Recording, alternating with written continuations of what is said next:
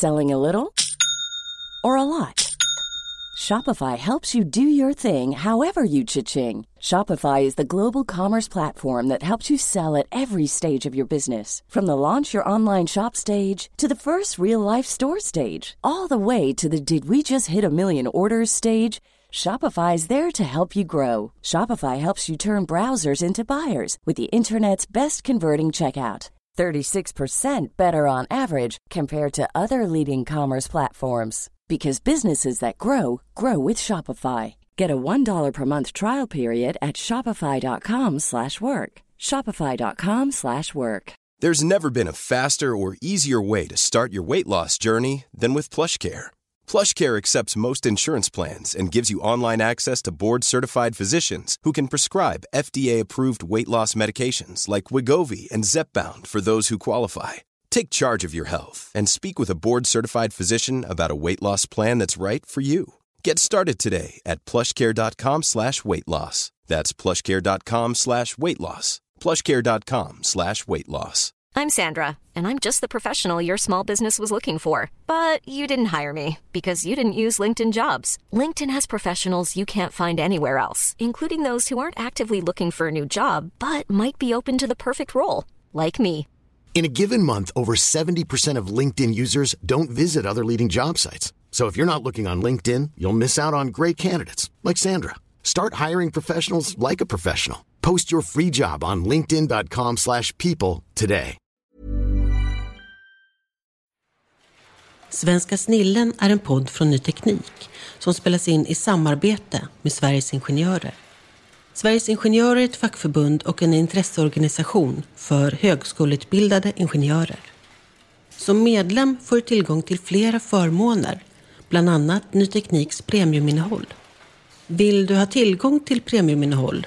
Då ska du aktivera din prenumeration på nyt.se aktivera.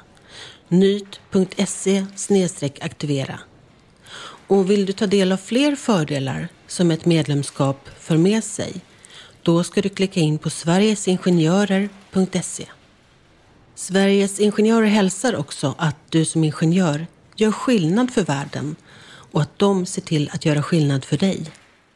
Vi på Ny Teknik tackar för samarbetet med Sveriges Ingenjörer. Alltså det är så här att om du räknar antalet dödade så är det en överväldigande majoritet dödade män. Och då så har du sådana faktorer som hastighet, köra eh, berusad och inte använda bälte. Där har vi en dominans av män.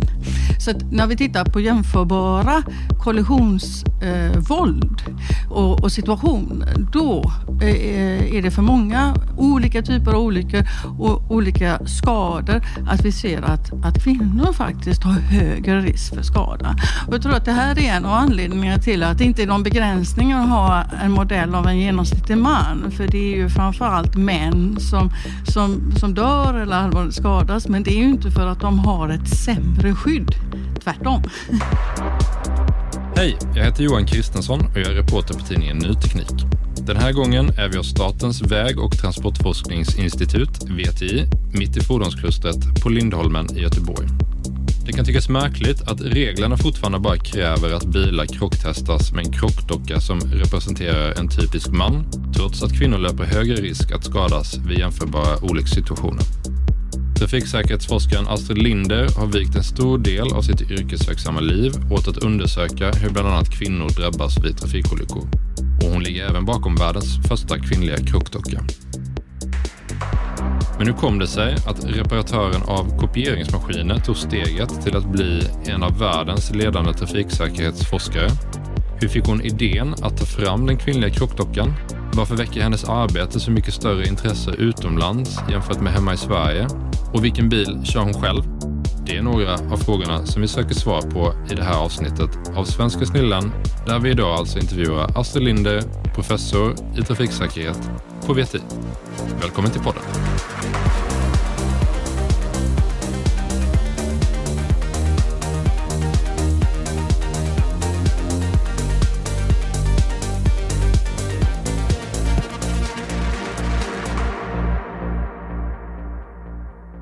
Välkommen till eh, podden. Tack så mycket. Hur mår du idag? Idag mår jag bra. Det är ju ett härligt vårvinterväder. Vårvinterväder.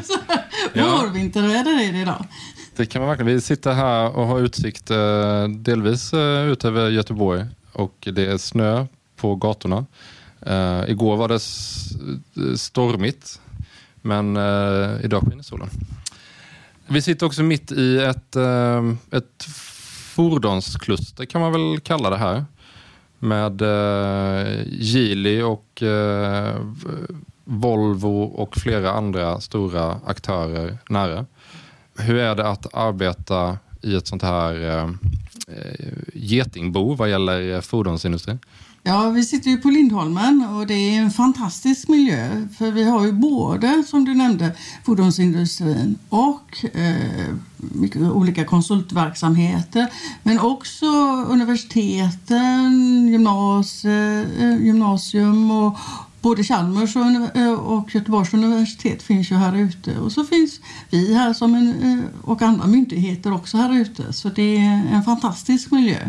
Och då har vi ju eh, hela eh, Lind, eh, Lindholmen Science Center med alla mötesmöjligheterna och sådär. Så det, eh, och med, med vårt nav. Eh, så att det, det, är en, en härlig miljö att vara en del av. Mm. Du har ju ägnat eh, runt 30 år va? Eh, åt att eh, forska eh, om eh, krock och eh, trafiksäkerhet mest känd för att ha tagit fram den, den första eh, kvinnliga krockdockan. Men har såklart eh, sysslat med en massa andra saker också, som vi ska komma in på idag. Du är, eh, ska vi se om jag har fått allt det här rätt, civilingenjör i teknisk eh, fysik. Du är eh, professor i trafiksäkerhet här på VTI. Du är också adjungerad professor vid eh, avdelningen för fordonssäkerhet på Chalmers. Stämmer. Sen vet jag inte om du är det längre, men du har varit i alla fall adjungerad professor vid eh, Monash University i Australien. Det är jag fortfarande. Det är du fortfarande? Ja. Så att en, en, en lång karriär så, som vi ska prata mer om. Men först så tänkte jag att vi skulle börja lite tidigare i historien. Um, vem, vem var Astrid innan hon uh, insåg att det var trafiksäkerhet hon skulle ägna sitt liv åt? Ja, eh, jag har ju gjort lite annat innan jag började läsa på Chalmers också. Så innan jag började läsa eh, på teknisk fysik. Och eh, det jag gjorde då, det, så jag är tekniker i botten och jag utbildade mig då, det hette kontors, till kontorsmaskinsreparatör på tvåårig elteleteknisk linje eh, på 70-talet, eh, mitten av 70-talet. Och sen gick jag en kurs, ett ettårig kurs i Stockholm på något som heter datorservice. Och sen började jag reparera kopieringsmaskiner. Mm -hmm. Och det gjorde jag i många år. Åkte ut till eh, företag? Och, ja, mm. ja, så jag var på något som heter OC eh, Svenska Eh, och eh, reparerade kopieringsmaskiner runt hela västkusten. Mm. Eh, och gjorde det i många år tills jag insåg att ja, jag kommer inte så mycket längre här och, utan jag behöver eh, ha, ha något mer med mig i bagaget också för att eh, kunna utvecklas vidare. Och då då, eh, och det låg också varsel eh, under en period på på det företaget jag var så att eh, då fick jag ju känna av liksom vad, hur det såg ut på marknaden och marknadsvärdet och så. Och då eh, var det som formulerades då var att, att jag behövde en bättre utbildning. Mm. Eh, för jag hade ju två år i elteletekniskt och så, så, mm. så att eh, så då eh, var det några vändor och till slut så började jag på komvux och läste in fyraårig teknisk. Och det tyckte jag var så kul och, och, gick så bra. Och under tiden så, så eh, slutade jag också min anställning som, som servicetekniker och tänkte att ja, men jag kan nog hitta något, något annat längre fram. Mm. Så det fanns ingen tydlig idé där att uh, liksom, det var trafiksäkerhet utan inte alls, det var ett prövande helt enkelt? Ett, ett prövande. Mm. Och nej, trafiksäkerhet fanns inte med då i, i, i det utan det var det tändes ett väldigt intresse hos mig för, som hade funnits innan, men jag fördjupade det i matematik och fysik. Och då fanns det en linje på Chalmers som hette teknisk fysik. Mm. Så då sökte jag den. Mm. Mm. Och hur gammal var du då? Då var jag 29 år gammal. Mm. Och en månad innan jag började på teknisk fysik så födde jag min son. Oj! Så jag hade eh, mycket... Det blev hektiskt där. det, det var många år som jag hade eh, eh, både föräldraskapet och, och studierna som båda två var väldigt eh, givande och eh, som jag tyckte var väldigt spännande. Men som var naturligtvis också motsvarande eh, krävande. Mm. Det är ett ganska stort steg alltså från att eh, reparera kontorsmaskiner, kopiatorer, till teknisk fysik är ju en väldigt krävande eh, civilingenjörsutbildning. Det visste inte jag då. Du tänkte att ja, ja, det här verkar kul. matte och fysik, det gillar ju jag. Hur, hur, blev, eh, hur blev starten då? Blev det en chock? Eller? Ja, mycket, ja, det blev ju väldigt mycket hårt arbete. Men, men tack vare att jag valde någonting som jag tyckte var roligt och det, det intresset och den fascinationen höll i sig så räckte det för att, att jag också skulle hitta eh, kraften och, och tiden och, och, och så för att göra det arbetet som krävdes. Och sen efter utbildningen, hur såg resan mot trafiksäkerheten ut? Ja, då var det så att- jag tänkte i slutet av min utbildning att, eh, att jag skulle vilja kombinera då de nya kunskaperna som jag hade fått genom att läsa på teknisk fysik med, med det jag hade med mig innan, det vill säga den, eh, rent tekniskt, den, eh, praktiskt tekniskt. Så jag sökte mig till produktutveckling. Eh, och gjorde ett examensarbete på det som då var Mölnlycke Healthcare mm. med ett, eh, ett eh, komfortsystem för kirurger när de ska göra långa operationer. För att, och då, då, då är utmaningen att man ska ta ut eh, fukten men, i, och, men det måste göras på ett sådant sätt så att det inte tillför fler partiklar eller någonting i, i luften eh, så att man inte ökar risken för infektioner för patienten.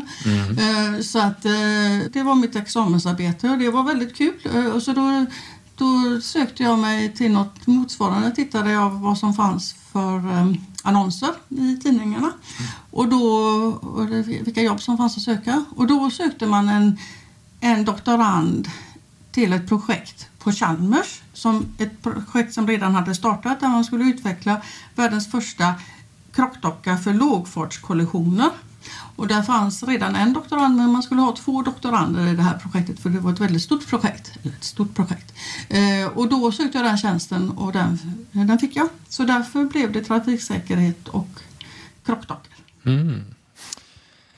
Den första intervjun som jag hittade, i alla fall i vårt eh, digitala arkiv med dig, det var från eh, 2007. Um, ehm, då var du i färd med att eh, ta fram det som skulle bli världens första kvinnliga krockdocka. Hur uppstod den idén? Ja, den kom redan när jag var eh, doktorand på Chalmers. För att i samband med att jag gjorde, eh, jag listade och eh, eh inför det så gjorde jag också en stor litteratur, eller ja, det handlade hela, hela doktorandarbetet, som del av doktorandarbetet så gör du en, en litteratursökning. Eh, och det gjorde jag ju också eh, då. Eh, jag var ju i ett projekt som redan var formulerat och, och igång och sådär. Men, men för att bilda mig en egen uppfattning om området och, och, och sådär. Och då såg jag att, eh, att det var ju kvinnor som hade mycket högre risk för eh, den här whiplash-skadan, vilket det handlar om i, i lågfartskollisioner, i upphinnande. Eh, och det var, där, det var ju huvudanledningen till dockan, att, att ha ett verktyg som man kan kan använda för att utvärdera eh, hur väl ett, ett säte framförallt eller ett system skyddar mot de här skadorna. Då. Och då såg jag i, i skadestatistiken att, att kvinnor var, var mycket, hade mycket högre risk än, än män och det var statistik tillbaka från 60-talet och framåt som visade det. Svensk eller Eh, internationell? hela världen. Hela världen. Ja, också i, i Sverige men, men från hela världen.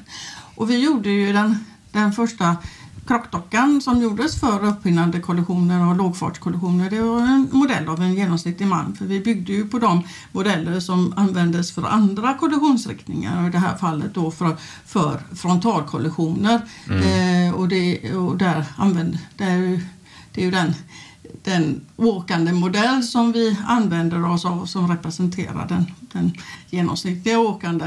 Eh, det, det är ju en, en genomsnittlig man. Mm. Så, att, så därför gjorde vi ju en genomsnittlig man också eh, i det här projektet. Och han, den dockan heter Biorid och finns att köpa och används eh, runt om i världen. Och så. Så, och det här var runt, eh, runt millennieskiftet? Ja, precis. Mm. Ja, jag listade 99 och sen så, eh, så gjorde jag klart min avhandling det eh, tog ett par år till så jag var och gjorde senare delen i Australien så jag disputerade 2002. Mm. Så i alla fall då 1999 så såg jag att, att så här ser det ut i skadestatistiken och tänkte att nästa steg, ett logiskt nästa steg är ju att göra en, en modell av den delen av befolkningen som har högst risk för skada. Mm. Det, det låter det som ja. Så blev det också. Ehm, men ehm, det dröjde ändå några år tills ni kom igång med det arbetet, eller? Ja, det har ju tagit många år. Och, alltså för, efter att jag disputerade så jag, sen, sen blev jag erbjuden... Sen jobbade jag i England först åt eh, eh, engelsk, eh, engelska försäkringsbolagen. De har en organisation där som jag jobbade åt. Och sen gjorde jag postdoc i Australien och, och jobbade där finansierat av det som är General Motors som hette, heter Hold, hette Holden i, i Australien. Det, det, det, det, finns ju inte heller, heller längre, heller tänker jag på jämfört med, också med Saab mm. som ju också var en del av Biorid-projektet så att det har hänt, mm. Mm. hänt en del under åren här. Jo men i alla fall så, så um, jo, den, den, eh, det här behovet och den här frågan hade jag ju med mig och då tog jag tog det ju ny fart när jag fick erbjudande om den här tjänsten på VTI och kom tillbaka till Sverige 2005 var det. Eh, och då eh, fick jag eh, framgångsrik att få en möjlighet få lite finansiering för, för, från Vinnova för att börja liksom titta på det här området. Då. Mm. Eh, sen, sen behövdes det ju en hel del Eh, dels behövde vi göra lite grunddata som behövdes för, att, eh, för, för, för kvinnor på samma sätt som vi hade för män för att kunna jämföra då hur, hur en eh, hur en modell av en, en genomsnittlig kvinna och en, en, en genomsnittlig man ska, ska, ska utformas och, och hur de ska, den ska bete sig i, i en kollision. Så, så att det blev några år med, med sådana projekt och söka finansiering. Och, och så, så, att alltihopa har ju handlat om eh, vad, man kan, vad vi kan få, vad jag, vi jobbat i en större grupp, eh, kan få finansiering för. Så, mm. att, eh, så, att behovet och frågeställningen har ju funnits där hela tiden men eh, graden på aktivitet och, och på vilket sätt vi har tagit oss an den har ju berott på vad vi har kunnat få finansiering för. För att på VTI, VTI är ju en uppdragsfinansierad myndighet. Så det är inte så att bara för att man ser ett behov att man kan utföra den forskningen som behövs eller mm. göra de modeller som, som vi pratar om här som, som man ser behov av. Utan det, det görs ju i, i, eh, dels tillsammans med andra men sen också med finansiering från externa parter. Det kan vara, jag har varit Vinnova eh, ett, i ett par omgångar här men sen har det också varit kommissionen så det är ju ner till Bryssel man okay. behöver åka mm. för att få mm. de här eh, pengarna. Eh, sen har jag också sökt på massa andra ställen där det inte blev.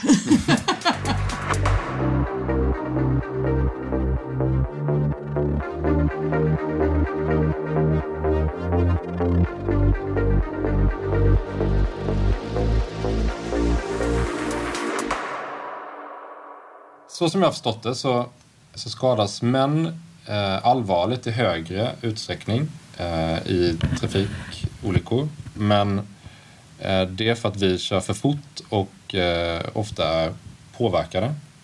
Men när man tar hänsyn till sådana här faktorer eh, så visar det sig att kvinnor löper högre risk för att eh, skadas. Är det rätt uppfattat? Ja, alltså det är så här, precis som du säger, att om du räknar, och vi förenklar det här, bara räknar antalet dödade, så är det en, en överväldigande majoritet, och det gäller hela världen, där, där eh, dödade män. Och då, då, för att kunna jämföra om, om riskerna är jämförbara så måste du titta på, om du då bara tittar på förare, så, får du, så har du sådana faktorer som Liksom hastighet, eh, köra eh, berusad och inte använda bälte. Och alla de tre faktorerna som påverkar risken för att dels eh, att, eh, att du har en högre energi in i en krock och att du skadas mer om en krock sker är typiska för, för där har vi en dominans som män. Så när vi tittar på eh, försöker att jämf- titta på jämförbara kollisionsvåld eh, och, och situationer, då eh, eh, är det för många eh, olyckor så. Eh, för många, många olika typer av olyckor och olika skador att vi ser att, att kvinnor faktiskt har högre risk för skada. Och jag tror att det här är en av anledningarna till att vi har betraktat det här som någonting som är huvudsak, alltså att det, det är inte att det inte är någon begränsning att ha en modell av en genomsnittlig man. För det är ju framförallt män som, som, som dör eller allvarligt skadas. Men det är ju inte för att de har ett, eh, ett sämre skydd. Tvärtom. Mm. Trots att de i många avseenden har eh, ett bättre skydd så, så, så skadas de. Ett bättre skydd? Utifrån att bilen är designad eh, ja, alltså, och utvärderad. Alltså, du får ju eh, kriterierna Alltså när, du, när vi utvärderar säkerhet, och det gör vi ju både i regelverket, i det som heter typgodkännandeprovningen och i sånt som heter Euro NCAP, alltså eh, konsumentprovning. Och då är ju det i typgodkännandeprovningen så att där är ju kravet att du ska köra ett antal prov och, och göra olika mätningar med en modell av en genomsnittlig man. Och och som ingenjör så hade du varit väldigt förvånande om man hade lyckats eh, eh, ehm, skydda en del av befolkningen bättre än den som man faktiskt eh, har i fokus. Sen finns det ju naturligtvis biltillverkare som är mycket mer ambitiösa än vad regelverket kräver. Men det finns ingen som kan visa i provning att man har faktiskt åstadkommit det man har åstadkommit som man kan se då sen i skadestatistiken. Så att eh, det är här vi befinner oss. Allt det här som du nu vet eh, om eh, skadestatistik och eh, utfall och så vidare. Är det här någonting som du själv har liksom behövt ta fram eller var det här statistik som fanns klart och tydligt egentligen redan alltså, när du intresserade dig för detta en gång i tiden? Ja, alltså skadestatistik när det gäller whiplash-skadan, den, eh, den, där fanns ju publikationer fra, eh, tillbaka från 1969 och framgent. Så att eh, eh, jag är ingenjör och har jobbat med det här ur ett ingenjörsperspektiv men eh, jag har inte själv sammanställt data utan det är det andra som, som gör och som har tillgång till data. Och här i Sverige så har vi ju en, en fantastisk kunskapsbas. Dels i den, den, den nationella skadestatistiken där vi, där vi, och det här är, är unikt i världen, där vi kan koppla ihop eh, det, det som polisen Eh, samlar in den informationen och det eh, utfallet som, som, eh, och de skadorna som sen registreras i sjukvården. Det är en komponent. Men för att få en bild, en helhetsbild av det här med, med whiplash-skadan som är i fokus för, de här, för låg, i, i lågfartskollisioner då är det ju de invalidiserande skadorna. Och de fångas ju inte upp på akutmottagningen och i den initiala bedömningen av en, av en patient. För där, där, där klassificerar du skadan utifrån risk för död. Mm. Okay. Och det är det som heter AIS kodning. Mm. Och det, gör, eh, det görs på sjukhusen. Och då, då, bedömer man risken för att du dör av den här skadan. Och då är ju Eh, som till exempel whiplashskadan, en mjukdelsskada i halsryggen. Den har ju en, en nolla eller, eller möjligtvis en etta. Eh, för att det är oerhört låg eller ingen risk för att du dör. Däremot kan du få bestående men. Eh, så då behöver du annan data för att, att, eh, att eh, ringa in det. Och det gör, det gör man ju bäst genom att också få tillgång till, till eh, försäkringsbolagens data. Mm. Och här i Sverige så har vi den här unika kunskapsbasen som finns på, på Folksams forskningsavdelning. Där, där man både sammanställer sån här data men också publicerar den. Så, så det är den fasta punkten i tillvaron när man som ingenjör ska ta sig an det här. Va? Så behöver du uh, ha det här kunskapsunderlaget. Så att det, det, här är ju ingenting man varken gör på egen hand eller gör själv. utan det krävs väldigt många olika pusselbitar för att man ska få den här eh, liksom, förståelsen. Och sen, sen har vi ju eh, Volvo, Volvo också här i Sverige, Volvo Cars som, har, eh, som också har publicerat utfall från, från, från det, förståelsen av hur eh, då specifikt naturligtvis Volvobilar fungerar. Så, att, så det är också jättevärdefullt att man har dels på djupet kanske för en speciell bilmodell eller ett märke. Då. Och sen, men sen behöver du veta ja, hur generaliserbara är de här vad, vad gäller för populationen. Och då behöver du den typen av data som, som, som Folksam till exempel eh, bidrar med. Jag tänkte att vi kanske skulle komma in lite på eh, liksom konkret i ditt arbete. Eh, rätta mig om jag har fel, men ni börjar alltid med att ta fram en virtuell krockdocka, eller? Nej. Nej, okej. Okay. det Men det, det, är en viktig del också att ta fram de virtuella eh, krockdockorna, eller? Alltså, det behövs ju inte för att göra en fysisk modell. Det gör det inte? Man kan gå ut i labbet direkt, men men men, men eh, virtuella modeller används ju på olika sätt i olika delar av en utveckling. Alltså det, det, histor, de, de kommer ju från att man gjorde, eh, vi gör ju virtuella modeller använder vi framförallt i, eh, i en utveckling av en, en, en eh, en bil till exempel. Eh, då gör man virtuella modeller och så provar man olika koncept innan man går ut i, i labbet och, och, och, och gör en, något fysiskt. När det gäller krockdockor så har man ju eh, historiskt sett byggt krockdockor utifrån en förståelse av vad man ska, eh, vilken kollisionsvåld och vilken kollisionsriktning som jag berättade om bioridden. Och sen efteråt eh, har man ju gjort eh, eh numeriska modeller för att också kunna använda de här i simuleringar. Då. Men det, det som jag har eh, och vi har jobbat med de senaste... Ja, det, det, det var 2000...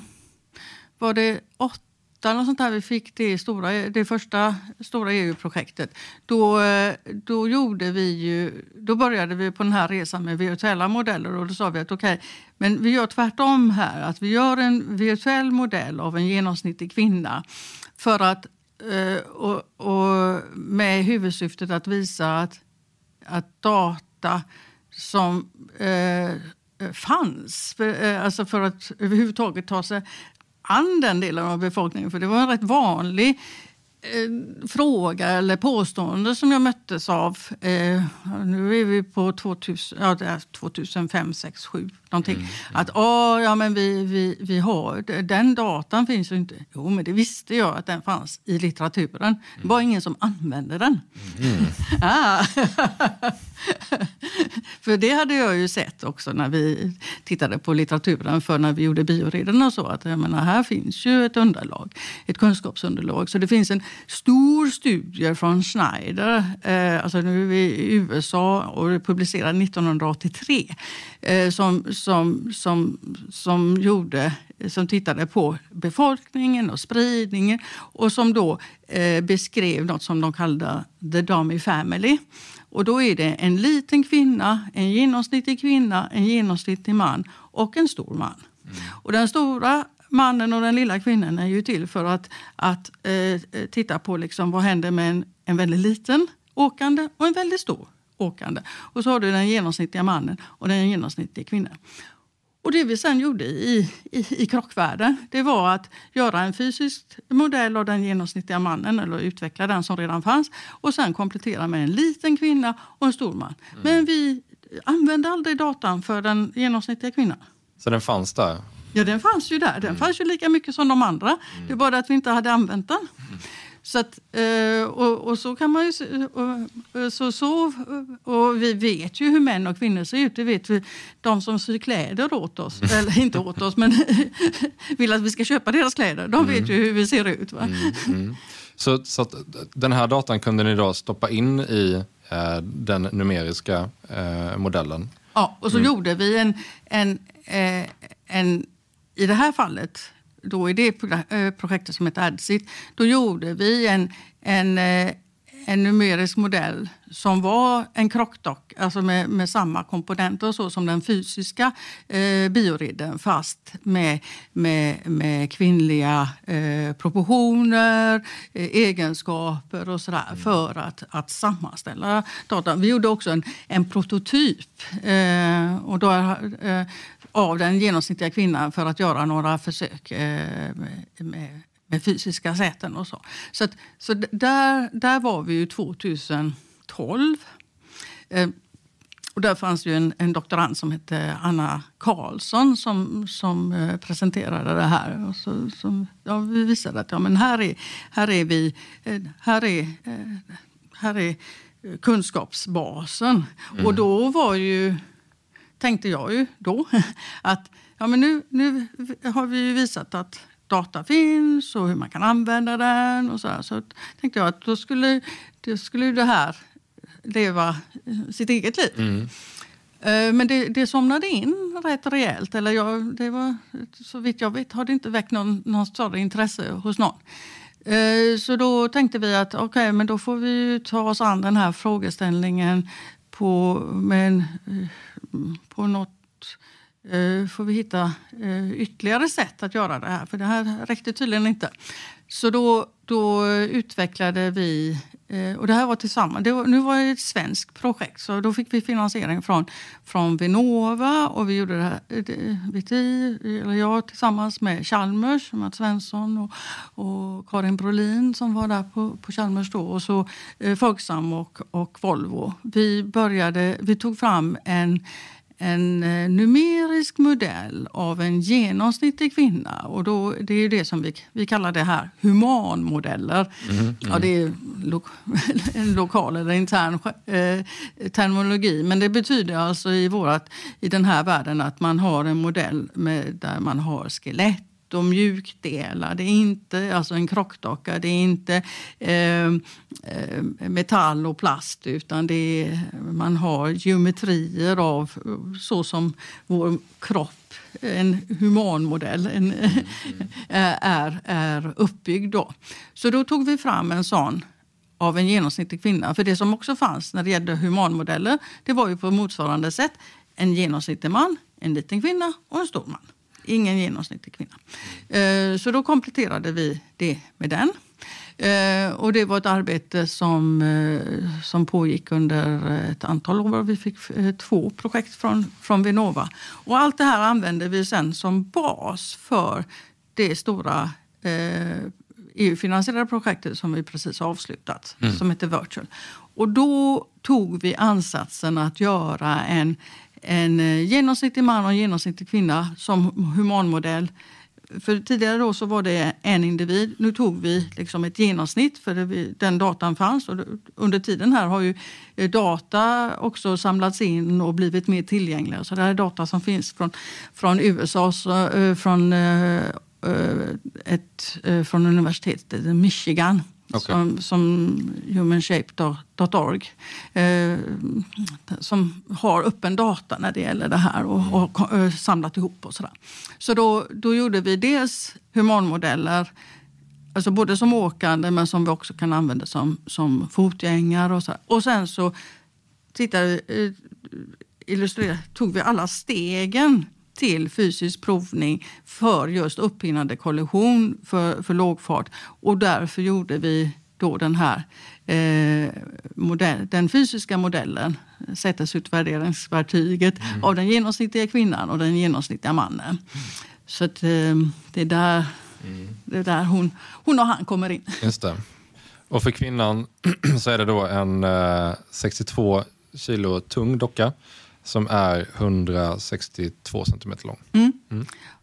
Och för mannen så är det, jag tror 1,70 Eh, nej, 77 kilo och eh, var det 1,77 lång? Ja, mm. precis. Mm. Eh, nu, är, nu är det här vi, eh, de här sätesutvärderings... Det här är, de, det är den data som, som är för, för de eh, humanmodellerna, alltså Viva plus-modellerna. Sen så vi, vi kom en bit på väg när det gäller de här eh, fysiska modellerna men eh, vi har ett par kilo kvar att lägga på. De heter, de heter av, en, av en anledning version 0.1 rätt. okay. mm. Så att, eh, och vi kallar dem också eh, väldigt medvetet sätesutvärderingsverktyg och inte kommersiella dockor, för det är det inte ännu. Utan det är ju mm. ett sätt igen att visa det här kan vi göra, eh, underlaget finns och, och, så vidare. Men för att få en certifierad docka som vem som helst i världen kan använda och man, eh, sådär, så, så, så, krävs det eh, ett, ett antal moment till som, mm. som, som låg utöver vad som fanns utrymme i det här projektet. Jag förstår. Och det här blev ni klara med nu, det var strax innan jul eller? Ja, sista, mm. Eh, sista november, sista november stängde projektet. Så eh, vi håller på nu med den sista rapporteringen till kommissionen. Då. Mm, mm. Men det finns fortfarande så, uh, inget krav från, från någon myndighet att man ska använda den här typen av docka då, i, i, i en krocksäkerhets... I, i ett typgodkännande? Tvärtom. Alltså, det som kravet är att du använder en modell av en genomsnittlig man. Mm. Punkt. Mm. Så att även om du skulle på, på eget bevåg ta fram en modell av en genomsnittlig kvinna och göra prov med den och visa att ja, men så här blir det för kvinnan. Det, det är liksom, de, de resultaten kommer man ju inte titta på ens. Mm. Nu har ni lite arbete kvar för att den här ska bli en eh, kommersiell docka. Mm. Eh, men hur, hur, liksom, hur, ser vägen ut fram till att eh, det skulle bli ett krav? Ja, alltså det här är ju, inga, det är ju inget krav som vi sätter i Sverige eller ens i i EU, utan det här är ju, eh, vi följer ett regelverk som är framtaget under FN. Så det här är ju globalt. Mm. Det finns eh, kan man säga, två olika typer av krav i, i världen. Det finns det som används i USA och så finns det det som och det heter FNBSS. Och så finns det det som, som är framtaget under FNs flagg och paraply och det heter UNECE-kraven. Och det är ju någonting som förhandlas i Genève. Mm. Uh, och uh, sen ett par år tillbaka så har ju Transportstyrelsen här ett, ett uppdrag att titta på den här frågan och har också drivit en ad hoc-grupp. Mm. Uh, så ser hierarkin ut där, att man, man kan adressera en fråga i något som heter en ad hoc-grupp. och det finns ett förslag för att, att det, här, det här, både med virtuell provning men också med det här med ett inkluderande Eh, en inkluderande provning ska, ska eh, adresseras i en, i en arbetsgrupp. Men det eh, beslutet har inte tagits mm. ännu. Så det låter som att det kan vara ett tag kvar?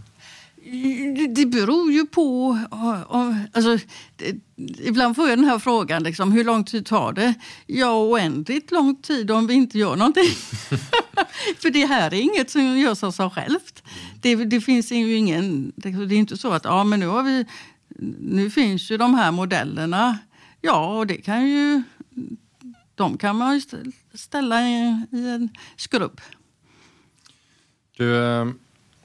Um, vi pratade lite om det innan vi satte igång den här poddintervjun att uh, du får väldigt mycket uh, uppmärksamhet utomlands uh, i media. Du hade haft, hur många sa du, 350 eller 450? Ja, det senaste halvåret har det varit över 450 olika inslag. Tv, radio, mm, artiklar och så här. Ja, det har varit mycket. Känner du att det finns ett ett moment i den här frågan just nu? Kanske inte i, i Sverige då, men globalt? Jo, jag, det, det, kan jag nog känna, inte bara den här frågan, men jag tror att vi känner oss... Eh, vi är en punkt också i, i vår utveckling att vi, vi strävar efter ett inkluderande samhälle i stora delar av världen. Inte i alla länder naturligtvis. Det finns ju länder som, som är tydliga med att man ska ha ett exkluderande eh, samhälle eh, där delar av befolkningen, kvinnor till exempel, inte eh, ska ha samma rättigheter som män. Men, men, men i stora delar av världen så strävar vi efter det. Och, eh, så på det, och det, den här frågan hänger ju ihop med det. Eh, för att ehm, så att vi ser ju inte heller de länder som har ett exklus, eh, exkluderande samhälle som förebilder. Det upplever jag inte, mm. utan tvärtom.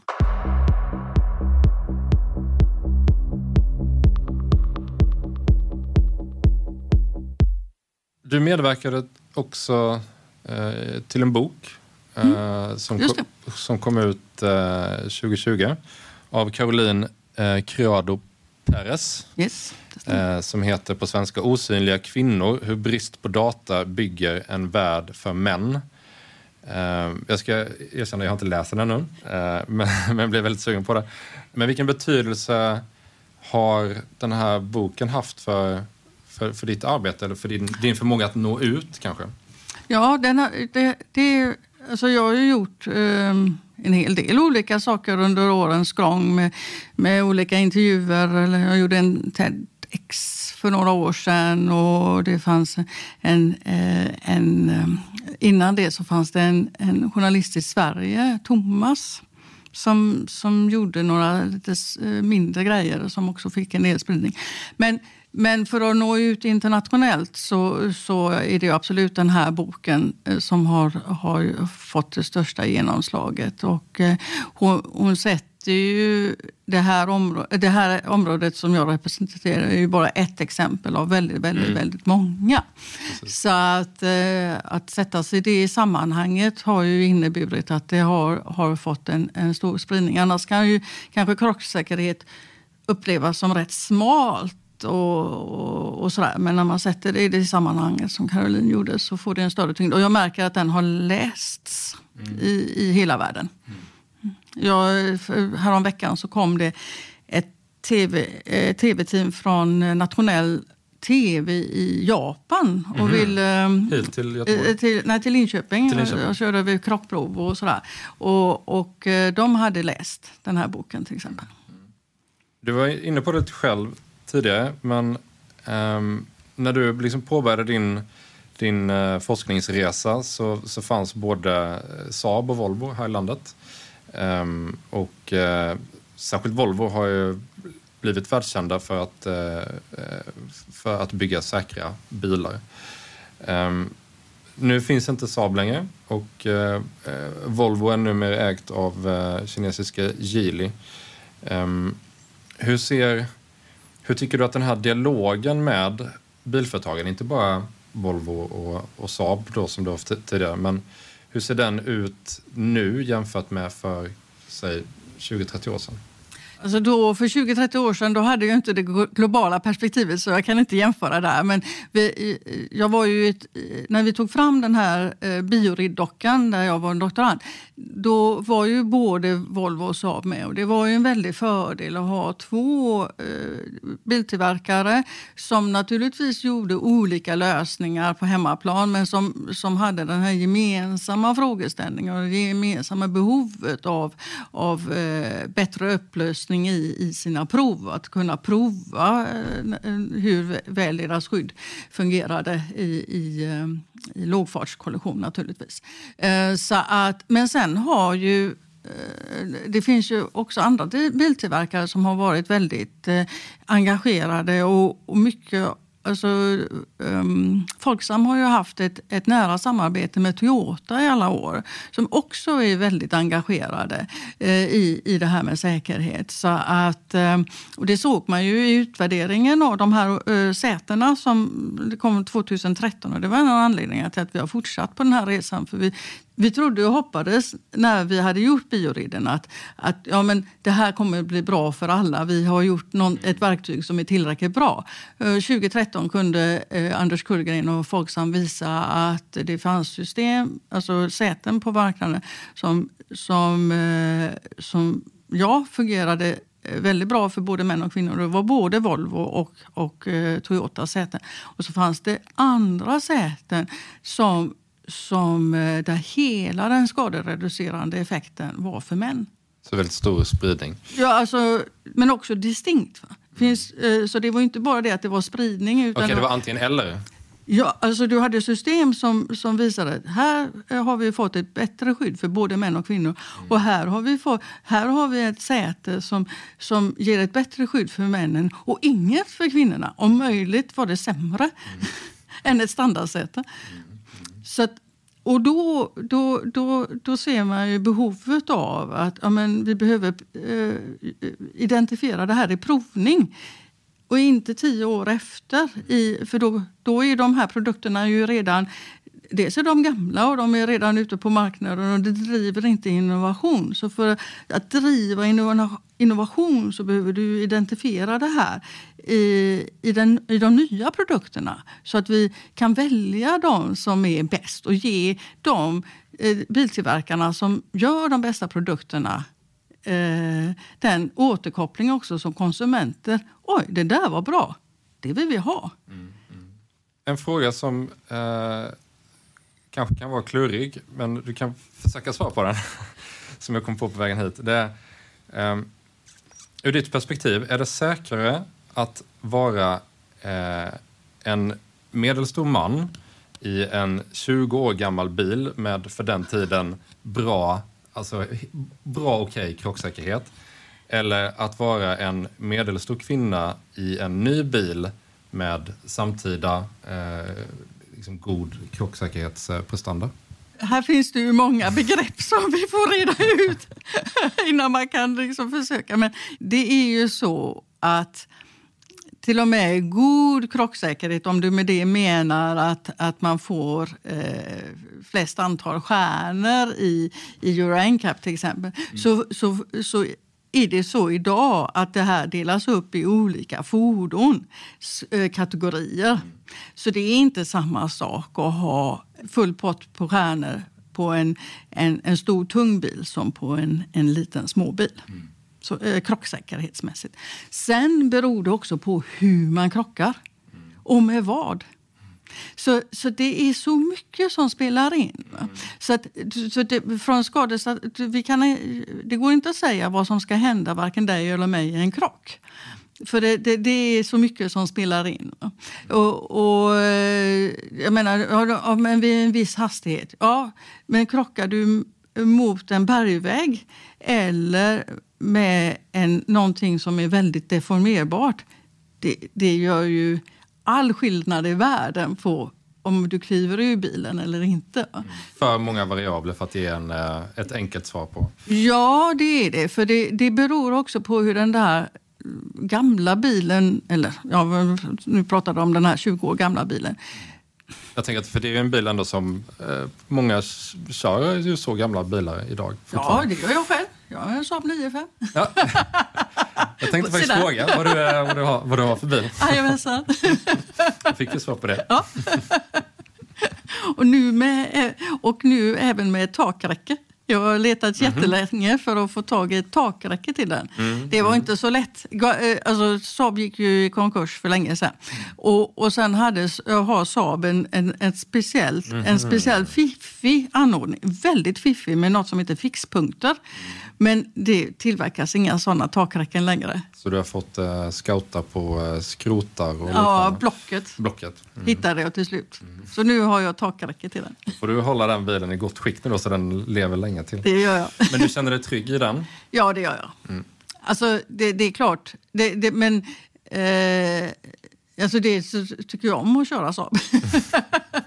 det har jag alltid. Jo, men, det, men, men alltså eh, vilken bil man köper har ju också med ekonomi och ja, men, hur mycket pengar man vill lägga på bil och, och, och så vidare. Det, det, man kan ju köpa jättesäkra, jättedyra eh, bilar mm. om man vill lägga alla sina pengar på det. Men det, det gör inte jag. Men däremot vill jag ha en bil som, som känns ja, som, är, som har en bra konstruktion, grundkonstruktion och det har ju både Saab och Volvo. Mm. Så jag hade lika gärna kunnat haft en äldre eh, Volvo. Det har min pappa. Okay. du, jag tänkte lite grann eh, om vi liksom eh, ska titta lite på innovation också, eller vara lite kort om dem. Eh, vilka innovationer på senare år Eh, är du extra glad för, och då pratar vi personbilar, eh, Eh, just för, krock, för att förbättra krocksäkerheten? Oj, det var en, en bra och bred fråga. Och då, då, eh, jag jobbar ju inte på ett, ett bilföretag så jag kör inte alla de senaste modellerna. Eh, för där finns ju naturligtvis jättemånga eh, viktiga eh, innovationer implementerade. Eh, så jag har... Alltså, om man tittar på skadestatistiken, då, vad vi har sett då, så var ju det här med ESC var ju ett stort genombrott. Eh, väldigt viktigt, alltså eh, elektronisk stabilitetskontroll. Mm, mm. Mm. Förhindra avåkning. Eh, sen ehm, olika sätt att aktiva, alltså eh, ja, kanske om man ska ta, ta någonting så är det ju eh, autonomous emergency break. Alltså um, Mm. Eh, att, att för det handlar, alltså när, när det gäller det, det, det, det skadepreventiva så handlar det ju väldigt mycket om att få ner energin. Mm. Och det är alltså ju, ett system som om bilen framför dig stannar så kan den ja, bromsa. Eh, bromsa. Ja. Mm. Och, och, bromsa max. Va? Mm. Eh, så här, slå till, alltså, säger, nej men det här går inget bra. Mm. Nu bromsar vi allt. Och, och likadant eh, förhindra påkörning bakifrån. Mm. City Safe är ju ett sånt system som Volvo tog fram. Alltså, jag menar, det är ju ett sätt att, att förhindra upphinnade kollisioner. Att, och så vidare. Så att, så att eh, ja, det, det, det är sånt jag kommer att tänka på här. Att, att på olika sätt ta ner energin. Um, tidigare än det så var det ju deformerbara balkar, alltså att inte ha en stel stålpinne som trycker rätt in i bröstet på mm. som rattstång. Utan, ja, utan ha en, en, en, en, en, någonting som deformeras och, och, och på ett kontrollerat sätt mm. eh, absorberar energi. Men det ligger ju längre tillbaka i tiden. Alltså där, eh, tänker jag att vi är idag, att vi vet vad vi ska göra. Sen, sen historiskt sett så var ju airbag, alltså bältet, airbags. Eh, och idag så, eh, så handlar ju, eh, och, och, vi kan göra mer när det gäller naturligtvis eh, hur, vi, hur väl vi fångar upp och, och fördelar lasten på den åkande. Men, men jag tänker att de, den, de stora landvinningarna finns ju i både att reducera krockvåldet när man ser att en krock eh, är nära förestående och, och förhindra den eh, helt när det gäller eh, uppinnande kollisioner. Men sen också att eh, system som får oss, om vi ska titta lite i framtiden, system som får oss att ta det lite lugnare. Ja, för det var lite jag ville, mm. vad, vad, önskar du dig? Det önskar jag mig. Mm. Det, som, som stöttar oss i det. Mm. För vi är ju sociala. Va? Vi gör som andra. Så om vi har en kultur där, där alla racear så gör vi det själva också. Och har vi en kultur där vi tar det lite lugnare så gör vi det också. Det finns naturligtvis de som, som avviker åt båda hållen. Alltså även om alla håller på att resa tar de det lugnt och tvärtom. Men, men, men eh, det skulle göra väldigt stor skillnad, alltså allt annat lika, om vi tog det lite lugnare ge oss själva och ge omgivningen och systemen mer tid att, att göra det som, som förhindrar att vi, vi krockar. Så någon typ av eh, lugnande musik i bilarna som, som standard? Ja, alltså det, det finns ju något, in, ett, ett, eller ett, ett helt koncept, eller, ja, alltså det som heter ISA, eh, Intelligence Speed Adaptation, mm. som handlar om att anpassa hastigheten. Då. Alltså stöd till oss som förare att, att använda oss av den här fantastiska försäkringen som, som eh, hastighetsgränsen innebär. Mm. För det, då är det nämligen eh, så här att hastighetsgränsen, eh, dealen där är att om du, håller, om du håller hastighetsgränsen och inte överskrider den så, så, så finns det en handskakning här från den som har satt hastighetsgränsen, det vill säga samhället, att då ska inte du heller eh, riskera att förlora, eh, alltså varken dö eller allvarligt skadas. För det omkringliggande systemet är uppbyggt för att... Eh... Ja, det, eh, alltså, det är därför vi kan köra i en hastighet på motorväg och en annan i, i, eh, förbi en skola. för det handlar ju både om dig men också de som är runt omkring. Alltså, det är dealen. Alltså, om, du, om, du håller, om du ser till att inte överskrida hastigheten så, är det, så finns det så pass med, med zoner runt om så även om du tappar kontrollen över, över fordonet så, kommer inte, så finns det inte en bergväg precis bredvid. Och gör det det så finns det en barriär som, som absorberar energin. Men det, den gäller ju inte uh, oavsett hastighet. Mm. Så det finns en, uh, ett, ett tänk här. Uh, och, och det är ju en, alltså med, med tanke på så mycket pengar som vi lägger på försäkringar, försäkra ja, men allt möjligt, hem och, hem och hus och, och allt vad det ska vara, så är det en väldigt, billig, eh, en väldigt, väldigt enkel försäkring för det som är helt oersättbart. Det vill säga vår, vår, vår, vårt liv och vår hälsa. En helt annan sak. Okej. Okay. jag tänker vi ska runda av lite, men eh, jag vill veta vad du gör när du inte eh, tänker eller ägnar dig åt eh, trafiksäkerhet? Ja, då har jag ett... Eh, eh, jag har mycket som, som, jag, som jag intresserar mig för. Jag är ju brett naturvetenskapligt intresserad. Eh, också lite... Eh, målar lite akvarell och, och spelar lite grann och sådär. Men framförallt så sitter jag i, min, i en havskajak mm. ute i kustbandet. Och vad är det som eh, är så som lockar dig med det? Eller som ger dig någonting med det? Ja, det lockar mig ju hela året. Så, och det är framförallt på vintern tycker jag det är helt magiskt. Alltså det, det är någonting med närheten till naturen. Det är eh, känna de här krafterna som är där ute. Det är lugnet, stillheten, eh, ljuset, eh, utmaningen. Mm. Eh, man får får naturligtvis hålla ett fokus på det man gör, annars så säger det plopp. Och då det kan det, gå fort. Och då kan gå fort, ja. ja. och då är, på vintern blir det kallt mm, mm. och krångligt. Och, ta, eh, och, ja, då, alltså jag tycker vi har en helt fantastisk natur i Sverige. Vi har, och, och att den är tillgänglig. Det finns eh, iläggsplatser, det finns, eh, man kan komma åt vattnet överhuvudtaget. Vi har, vi har, det är fantastiskt där. Eh, för det, jag menar, jag tror att Många har den erfarenheten, man kommer ner till Medelhavet och så ser man det fantastiska havet. Och man kommer inte dit. Mm. Det är ju helt stängt. Mm. Det är ju staket och, och grindar och överallt. Hotellanläggningar. Ja, och där man inte får komma in. Va? Eh, överhuvudtaget här så har vi, vi vår fantastiska natur. Och här på västkusten så, så finns det ju alltid öppet vatten mm. året runt. Mm.